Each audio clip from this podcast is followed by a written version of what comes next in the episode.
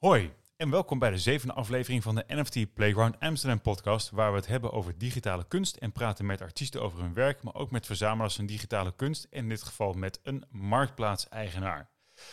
Ehm, in deze aflevering praten Casper Gokkel en ik, Krijn Soeterman, namelijk met Wouter Kloosterman.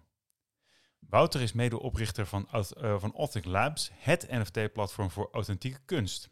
Authentic richt zich specifiek op kunstenaars uit de Benelux. En uh, trouwens, dat woord heb ik lang niet gehoord. En daarnaast moet het platform NFT's begrijpelijker en toegankelijker maken. Zelf maakt hij ook graag kunst in fysieke vorm. Zowel met olie als acrylverf kun je hem in de weer zien, maar ook met het bouwen van websites. Authentic bouwde hij niet alleen. Zijn medeoprichters zijn uh, Lemar Bakhtiar. Ja, Lemar Bakhtiar. En Tad Luatnyagen. ja, ja, ja, vrij goed.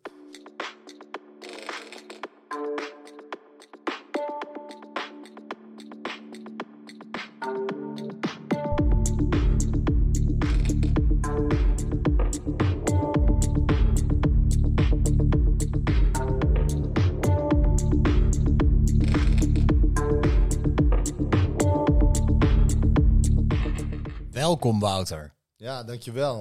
Als ik al een klein beetje mag corrigeren, het verhaal klopt niet helemaal. Er werd namelijk gezegd met een focus op de Benelux. Zo zijn we inderdaad wel ooit begonnen, maar tegenwoordig werken we wel echt samen met kunstenaars wereldwijd. Um, maar ja, ik ben dus inderdaad de oprichter van Altic Labs. En Altic Labs dat, uh, heeft eigenlijk twee producten. Allereerst Altic.io, dat is een uh, gecureerde marktplaats voor digitale kunst. Uh, waarbij we eigenlijk uh, ja, werken representeren van uh, digitale kunstenaars wereldwijd. En daarnaast hebben we ook nog een ander product, dat is Altic Suite. En dat is voor ja, partijen die eigenlijk zelf willen beginnen met het verkopen van NFT's. Je kan het eigenlijk een beetje zien als een, een Shopify voor NFT's. Dus, Ik ben in ieder geval blij dat jij je in de Web3-wereld niet laat beperken door regionale beperkingen en gewoon wereldwijd bent gegaan. Ja, dat is ook wel heel belangrijk, denk ik. Dat denk ik ook wel. Ik uh, vind echt uh, even een uh, heel grote bravo. Want je hebt gewoon de eerste Nederlandse marktplaats voor NFT's weten op te richten. Dus petje af daarvoor. Ik vind het echt een chapeau waard. Dankjewel. Krijn, je hebt altijd een eerste vraag, toch? Jazeker. nou goed, sorry, deze applaus moest er even, dit applaus moest er even tussendoor. La laten we eens beginnen met hoe kwam je in aanraking met NFT's? We begonnen misschien wel veel eerder met andere crypto's. Ja, dus ik ben uh, eigenlijk in tijden van corona ben ik begonnen met schilderen. Echt waar, het begon allemaal met een Bob Ross. Nice. en toen, uh, ja, ik had, ik, dat was best wel een hobby van mij uh, toen de tijd. En toen ben ik, heb ik denk ik rond de 25 canvassen gemaakt. en toen zag ik voor het eerst de crypto, CryptoPunks voorbij komen. Dat was denk ik eind 2020. En toen ben ik me meer gaan verdiepen. En ik vond de technologie eigenlijk al meteen heel interessant. Dus toen heb ik uh, ook geprobeerd zelf wat digitale kunst te maken. Nou, dat was geen succes. Uh, maar daardoor ben ik wel een paar platformen gaan uitproberen, zoals Wearable en OpenSea uh, bijvoorbeeld. En doordat ik ze aan het uitproberen was, kwam ik eigenlijk achter dat het totaal niet toegankelijk was, ten eerste. Want ja, ik, ik vond het... Ik, ik doe zelf, een, zelf heb ik een master in data science gedaan, dus ik ben wel een beetje technisch. Maar ik vond het toch nog wel vrij lastig om een NFT aan te schaffen. En ook om te verkopen. Dus toen dacht ik, dit moet toegankelijker. En ten tweede, als je op een OpenSea kijkt, ja, er staan geen gecureerde werken. Dus uh, er stond ook gewoon heel veel rommel tussen. Dus ik wilde eigenlijk een platform beginnen wat zowel zat op kwaliteit als toegankelijkheid. En toen ben ik eigenlijk uh, in 2021, in de zomer van 2021, heb ik een WordPress-website uh, gemaakt. Gewoon vrij simpel, waar kunstenaars konden aanmelden. toen kreeg ik best wat aanmeldingen en toen ben ik gaan zoeken naar, naar co-founders. En zo, dat was eigenlijk de start van van Arctic. Dus iemand die meer verstand had van het hele ja, juridische en financiële gedeelte had ik nodig. En ik had iemand nodig die in staat was om een uh, decentraal platform te bouwen. Zo ben ik met uh, heel random eigenlijk met Lamar en Tat in, in contact gekomen. Gaaf zeg. En uh, dat, dat valideren van kunst, doe jij dat of wie doet dat? Nee, dat doet op dit moment doet Frank het Hoen dat. Hij dus die stelt het allemaal samen, zeg maar. Hij, hij, is beter bekend als Frankie Hollywood op, als je een keer op Instagram kijkt, dan moet je maar eens opzoeken. Hij maakt echt hele mooie dingen. En hij is ook best wel, uh, hij is echt goed bekend uh, wereldwijd binnen de, in de kunstwereld. Maar ook hij kent veel galeries, hij kent veel mensen binnen de NFT-space. Dus hij uh, ja, kijkt eigenlijk vaak naar de culturele relevantie, de kwaliteit van een werk. En op basis daarvan wordt iemand wel of niet geaccepteerd. Dus kunstenaars die uh, dit horen en denken van ik zie op die site allerlei mooie dingen ronddwalen. Uh, ik wil daar graag bij. Die moeten hem uh, proberen aan zijn jasje te trekken. Eigenlijk wel, ja. Oké. Maar we proberen ook wel... eh, we zijn ook wel met andere kunstenaars in gesprek die al lang in de NFT-wereld zitten. Zoals bijvoorbeeld een Noortje Stoortelde. is ook vrij bekend binnen Nederland in de NFT-wereld. Ehm, en die, die uh, helpen ons ook met het cureren. Dus ja, je vertelde ons ook iets heel gaafs. Uh, volgende week, geloof ik al, uh, ga jij op Centraal Station in de metro hier in Amsterdam kunstwerken tentoonspreiden. Je hebt er ons twee vandaag toegestuurd die wij op de schermen hebben mogen aanschouwen. Nou, die zien er echt waanzinnig uit. Heel mooi. Ja. Ik moet zeggen, de, je, je kijkt op je computer daarna, dat is al leuk. Maar als je het dan op een echt scherm ziet, dan pakken ze je ook echt. Dus mooi ook, mooie collectie. Ik zag ook best wel veel fysieke kunstwerken eigenlijk op, uh, op jullie marketplace. Ja, klopt. Dat komt eigenlijk door een samenwerking met een uh, galerie uit Amsterdam-Noord. Dat is Rademakers Gallery. Uh, en die hebben inderdaad fidgetals, zoals je dat zo mooi noemt. Dus ja. dat is zowel mooi, net behandeld. Ja, dat, dank, dank, dank voor het nog een keer gebruik. dus inderdaad, dat je zowel het fysieke als het digitale werk krijgt. Uh, en ze hebben ook een aantal werken dan met utilities. Dan hebben ze bijvoorbeeld een digitaal werk waar iemand een hoedje op heeft. En als je dan die NFT koopt uh, van dat hoofd van die persoon met het hoedje op, dan krijg je dat hoedje krijg je er dan bij. Ja. Um, dus dat, maar voornamelijk is het wel uh, digitale kunst. Dus dit is wel een aparte collectie met Rademakers Gallery. Maar die bestaat toch al best lang, volgens mij? Ja, die bestaan al heel lang, maar die deden nog niks met de NFT's. Dus die uh, ja, zijn met ons nu voor het eerst begonnen met het verkopen van uh, En hebben ze dat ook al naar zeg maar, ouderwetse kunstbeurzen gebracht? Of is het dat nog een stapje te ver? Dat nog niet, want ik was toevallig afgelopen vrijdag op de Affordable Art Fair. En uh, daar waren zij ook. En daar waren de NFT's niet te koop. Uh, ja. Maar ze zijn er, wel, uh, zijn er wel mee bezig. En denk je dat dat, dat, dat, dat soort dingen misschien ook komt doordat dat nu een, tijdelijk een negatief daglicht heeft? Een beetje veel mensen denken, ja, NFT's, Web3. Ja, ik denk wel dat het, dat het deels zeker meespeelt. Maar ja, ik denk ook dat veel mensen er nog niet helemaal klaar voor zijn. Dus als je bijvoorbeeld kijkt naar ja, de collectors of de huidige ja, de klanten, denk ik, van Rademakers Gallery, uh, die daar nu voornamelijk hun kunst kopen, uh, die zijn nog niet thuis in de Web3-wereld. En ik denk dat dat ook wel heel belangrijk is wat de komende jaren moet gaan gebeuren, dat het veel meer toegankelijk wordt. Of, of überhaupt gewoon een digitaal uh, paneel waar kunst op verschijnt, lijkt me. Ja, en ik denk ook wel misschien in een jaar of twee jaar, als straks die technologie goed is doorontwikkeld, bijvoorbeeld van die frames van Samsung, dat je gewoon makkelijk het in je huis kan gaan ophangen. En je hebt een werk die niet heel druk is aan je muur, dat mensen ook veel sneller uiteindelijk een digitaal werk zouden kunnen aanschaffen of zouden willen aanschaffen als ze iets fysieks ja. erbij krijgen. Ja, ik vind het heel bijzonder, want jullie maken op zich die stap makkelijker. Want via jullie website of uh, via jullie platform kun je dus ook gewoon met Ideal betalen. Dus je kunt gewoon uh, eigenlijk vanuit euro's echt uh, de digitale kunst aanschaffen. Ja. Dat viel mij meteen op. Maar wat ik ook een beetje, wat ik me afvroeg is, zijn jullie echt gewoon een marktplaats of zijn jullie ook adviseur van die kunstenaar? Nou, we zijn in principe uh, gewoon een marktplaats. We helpen dus, als ze bij ons worden toegelaten, ook zeker de kunstenaars met de promotie uh, en dergelijke. Um, dus op dat, in dat opzicht geven ze zeker al wat advies. Want we zijn met die galerie zijn we in principe vrij klein. Er zitten nu, denk ik, van onszelf rond de 30 kunstenaars op. Dus daarmee hebben we ook wel nauw contact. Zoals van gisteren heb ik bijvoorbeeld een interview gehad met Malavida. Ik weet niet of jullie bekend zijn met die kunstenaar. Ze is een digitale kunstenaar uit uh, Canada, maar ze is, uh, ze is echt gigantisch. Um, en ja, dat, dat soort uh, kunstenaars geven wel vaak advies. Maar ik moet er ook wel bij zeggen, zij geven vaak eerder ons advies. Want zij zitten vaak al langer in de cryptowereld dan dat wij dat zitten. Ja, dat kan ik me helemaal voorstellen. Die weten natuurlijk echt hoe de hoed en de rand al. En veel van die artiesten doen ook echt wel goed hun huiswerk. Ja, absoluut.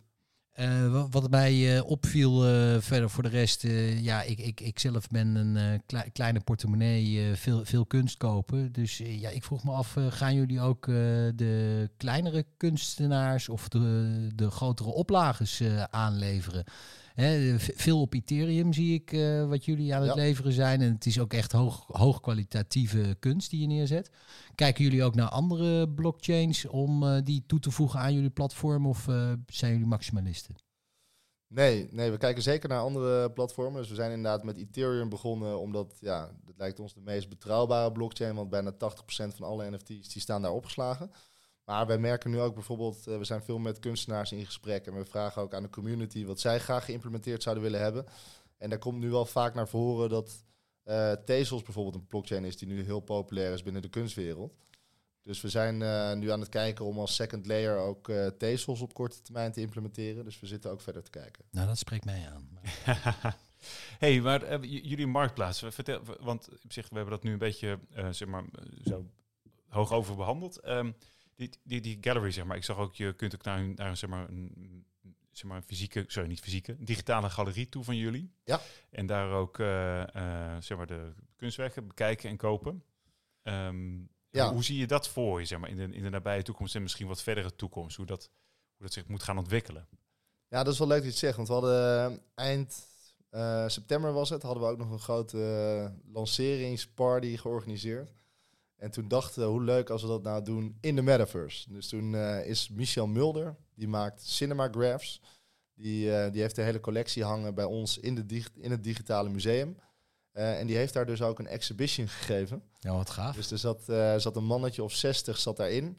En toen heb ik iedereen gemute en alleen hij kon praten. En toen is hij langs die werken gegaan. Dus digitaal. En iedereen kon met hem meeluisteren terwijl hij over zijn werk vertelde. En mocht je het interessant vinden, dan krijg je ook de mogelijkheid, kun je op het werk klikken, ga je meteen door naar de marktplaats en dan ben je ook in staat om het te kopen. Dus ik denk zeker dat het, dat het heel veel mogelijkheden biedt. Al, maar ik merkte wel uh, dat het nu, dat mensen wel een beetje snel op uitgekeken zijn als je dan zo op je computer naar uh, zo'n zo'n wereld zit te kijken. Dus ik denk als we over een jaartje of vijf, uh, denk ik ook zeker niet dat we dan allemaal zo'n VR-bril op ons hoofd hebben. Maar dan hebben we misschien wel gewoon lenzen in of iets dergelijks. Maar dat je dan gewoon op een eenvoudige manier door zo'n virtuele wereld kan lopen. Ik geloof daar wel echt in, want ja, de, de, de grenzen vervagen. Nou, toevallig zat ik laatst Horizon Zero Dawn te spelen. Dat is natuurlijk inmiddels alweer een oud spel. Uh, maar het, het, begint eigenlijk in een, in, een, in een plek waar heel veel uh, kunst nog rondslingert. En dat, dat ziet er dan wel prachtig uit. En is heel goed gedaan, heel goed over nagedacht. Er zit zelfs de, de, de, de uh, van oude kunst in dit geval natuurlijk allemaal dingen die al lang geen copyright meer hebben. Maar het wordt zelfs uitgelegd wat het is. En dat vond ik eigenlijk voor een gewoon computerspel wel heel gaaf. Dus ik, zie, ja, ik kan me heel goed voorstellen dat het veel meer echt zich in het digitale domein gaat afspelen. Dan dat het, dan dat het zo'n ding wordt wat een beetje bijhangt, zoals nu. Ja, en ja, zeker met uh, VR en dergelijke liggen denk ik heel veel mogelijkheden ook. Want ik ken bijvoorbeeld een vriend van me, die, heeft, die levert dat bijvoorbeeld aan bejaardentehuizen. En dat zijn gewoon mensen die niet meer in staat zijn om naar een museum te gaan. Maar door deze technologie kunnen ze gewoon vanuit hun uh, stoeltje kunnen ze gewoon door een museum lopen. En je ziet echt dat die mensen die zetten die bril af en die zijn zo geëmotioneerd. Dus dat is wel oh, fantastisch dat Mooi het kan. voorbeeld. Hoe heet dat? Maya VR heet het even een kleine promotie voor. Ja, dat mag ook. En wat ik heel, heel bijzonder vind is dus, uh, jij hebt eigenlijk het contact weten te leggen met uh, bestaande bedrijven. En aan bestaande bedrijven heb jij dus uh, ja, eigenlijk gevloekt in de kerk en durven uit te spreken NFT. Hoe, hoe is daarop gereageerd? Uh, hoe bedoel je precies? Bij? Nou ja, je gaat dus uh, exposeren jullie uh, digitale kunst in, in de metrostations. Ja. daarvoor heb jij dus contact moeten leggen met. we hebben geen contact, we zijn benaderd daarvoor. Je, oh, dus. je bent gewoon benaderd. Ja, dus dat is, ja, die schermen zijn allemaal in het bezit van CS Digital Media en die ja, doen eigenlijk dit al drie jaar. Dus die normaal, ja, ze adverteren eigenlijk altijd op de schermen, maar ze hebben nu echt een officiële samenwerking geregeld met Museumnacht. Uh, dat zij echt dat helemaal mogen... Museumnacht Amsterdam is dat? Ja, Museumnacht Amsterdam. Dat zij uh, het helemaal mogen omtoveren tot een digitaal museum. En ze hadden daar een partner voor nodig, want het leek dus wel heel leuk dat ze daar NFT's konden presenteren. Maar ze wilden ook graag dat mensen ook daadwerkelijk die werken dan zouden kunnen kopen. Wat gaaf, man. En daar hadden ze een partner voor nodig. Dus toen hebben ze ons benaderd. Dus dat is wel uh, ja, heel cool voor ons om te doen. Dus daar zijn we ook heel blij mee. Ja, en, en, en naast dit eigenlijk het product wat jullie leveren is eigenlijk het helpen van visibility, oh, dus zichtbaarheid voor die kunstenaars. Ja, dus voor die kunstenaars is het natuurlijk gewoon uh, ja, geweldig om op zo'n mooie plek te mogen staan waar iedereen uh, je werk kan zien. Ja. Heel gaaf.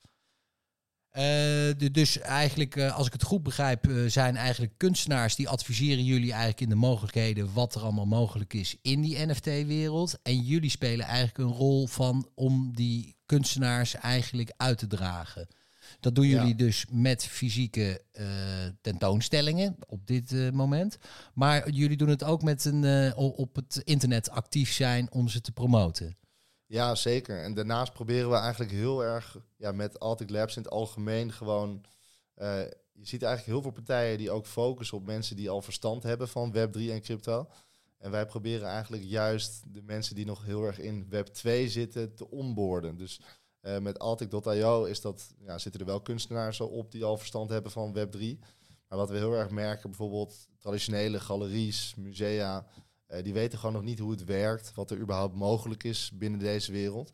Dus dat soort partijen proberen we nu eigenlijk te helpen om te kunnen beginnen. Hoe, hoe, reageren mensen dan zeg maar, op het moment dat ze met Ideal een kunstwerk kopen en dan ergens een ETH-adres bij krijgen? Hoe gaat dat? Hoe, wat, wat doe je dan?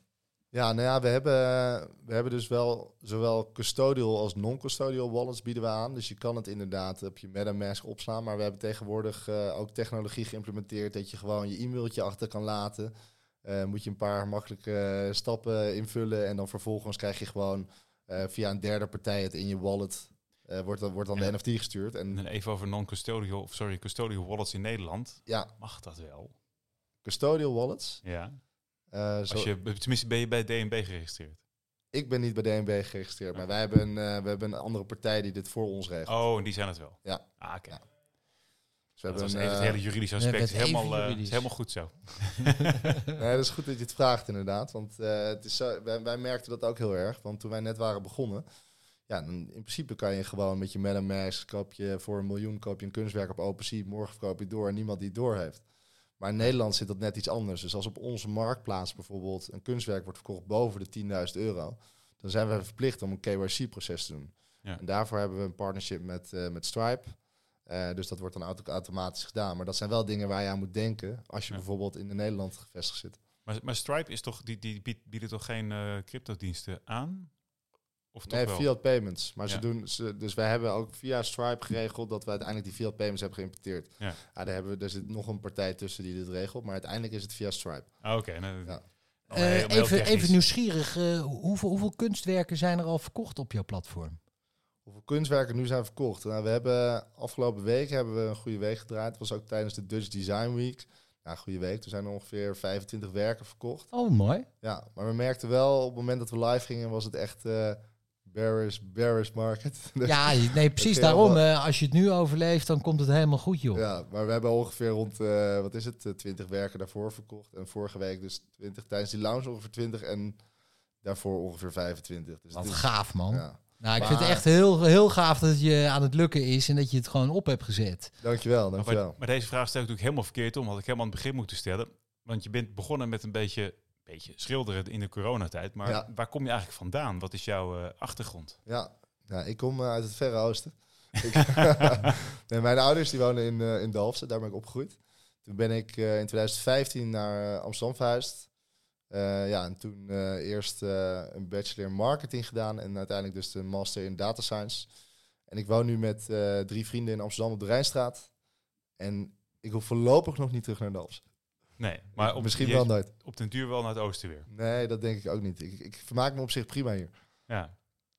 Ja, nee, ik, vond, ik vind het gewoon interessant, zeg maar. Je bent dus je bent ineens de kunst ingedoken, maar je had dus geen, daarvoor eigenlijk geen directe connectie met, met kunsthandelaren of andere... Nee, maar ik vond het wel altijd leuk om creatief bezig te zijn. Dus ik bouwde in mijn vrije tijd uh, websites voor mensen om wat geld bij te verdienen. Ja. En dat is ook wel een soort van uh, creativiteit um, om ja, dus een goede website te bouwen. Ja.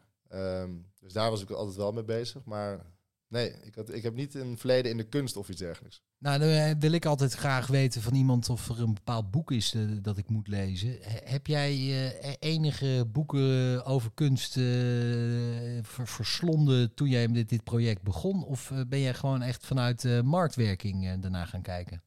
Nou ja, ik moet heel erg zeggen, ik ben niet heel thuis in de, in de boeken vanuit kunst. Ik ben meer ondernemer, dus ik heb ik heb hiervoor heb ik ook uh, een andere onderneming gehad. En daar ben ik eigenlijk altijd wel mee bezig geweest. Dus daar, uh, daar ligt ook mijn voorkeur. En dan had ik nog een vraag, want uh, jij valideert met je bedrijf. Dus jij, en dat is eigenlijk iets wat, wat, wat mij intrigeert, is in, in de toekomst. Dus, dus, hoe, hoe zie jij dat? Gaan die validaties ooit ook nog beloond worden op de blockchain? En dus eigenlijk als jullie als bedrijf het valideren, kunstwerk. Ja. Stel nou dat je, je, je verzamelaar... dat het dan dus een echt kunstwerk is. Ja, en, en vervolgens gaat die verzamelaar verkoopt het door. Krijg jij dan nog een keer commissie omdat jij het gevalideerd hebt?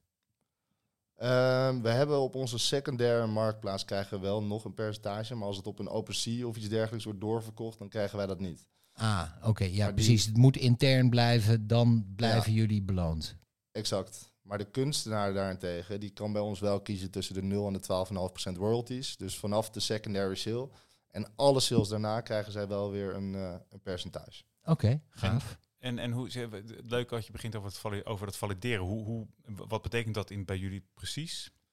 Ja, dus dat, doen, eh, dat doet voornamelijk onze creative director. En die kijkt dus eh, onder andere naar de kwaliteit van een kunstwerk, eh, naar de culturele relevantie, eh, naar een track record van een kunstenaar. Zit hij bijvoorbeeld al lang in de wereld? Wat heeft hij gemaakt? Eh, Ja. Is het verhaal goed? Dus dat zijn allemaal zaken waar hij eigenlijk naar kijkt. En, en, en wat En- gebeurt er dan als je zeg maar bij spreken zo'n kunstwerk tegenkomt op een andere marktplaats, wat niks met jullie te maken heeft gehad ooit? Ja, dat kan inderdaad gebeuren. Want we krijgen ook best wel wat kunstenaars die dat aan ons vragen. Als ik dan dit werk bij jullie verko- verkoop, mag ik het dan ook nog op een andere marktplaats verkopen? Dan zeggen we altijd, dat mag je doen.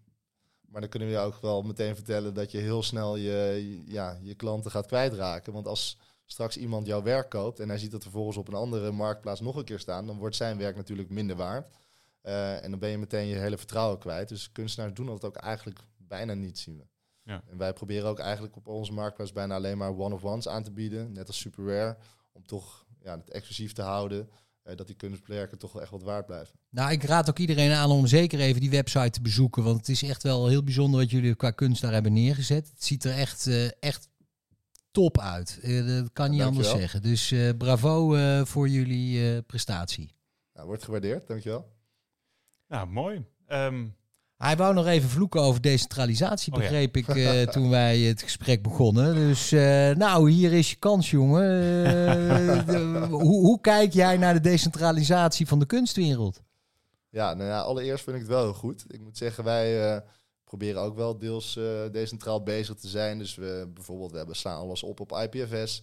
Eh, daarnaast proberen we heel erg de community te betrekken. Dat is natuurlijk ook een vorm van decentralisatie. Dus we vragen aan onze kunstenaars, wat voor blockchain willen jullie graag zien als second chain op onze marktplaats?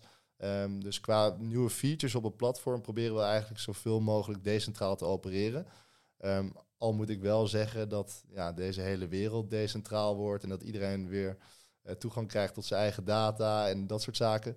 Daar geloof ik misschien niet helemaal in. Eh, je ziet het nu bijvoorbeeld al met een OpenSea die volgens mij 70% van alle eh, van het totale trading volume is in handen van OpenSea. Dus ja, wat dat betreft zijn we totaal niet decentraal. Dus ik ben er een beetje sceptisch over eh, in het algemeen. Maar er zijn zeker bepaalde vormen van decentralisatie waar ik heel erg in geloof. Ja, nou, ik denk ook sowieso dat, ja, ik eh, heb ook een warm hart voor decentralisatie, maar eh, ik, ik denk vooral het vooruitbrengen dat we met elkaar samen van die kunst mogen genieten, dat dat eh, ons eh, hoofddoel moet zijn in die NFT-wereld. klopt. Zeker. Dus eh, digitale kunst. There you go.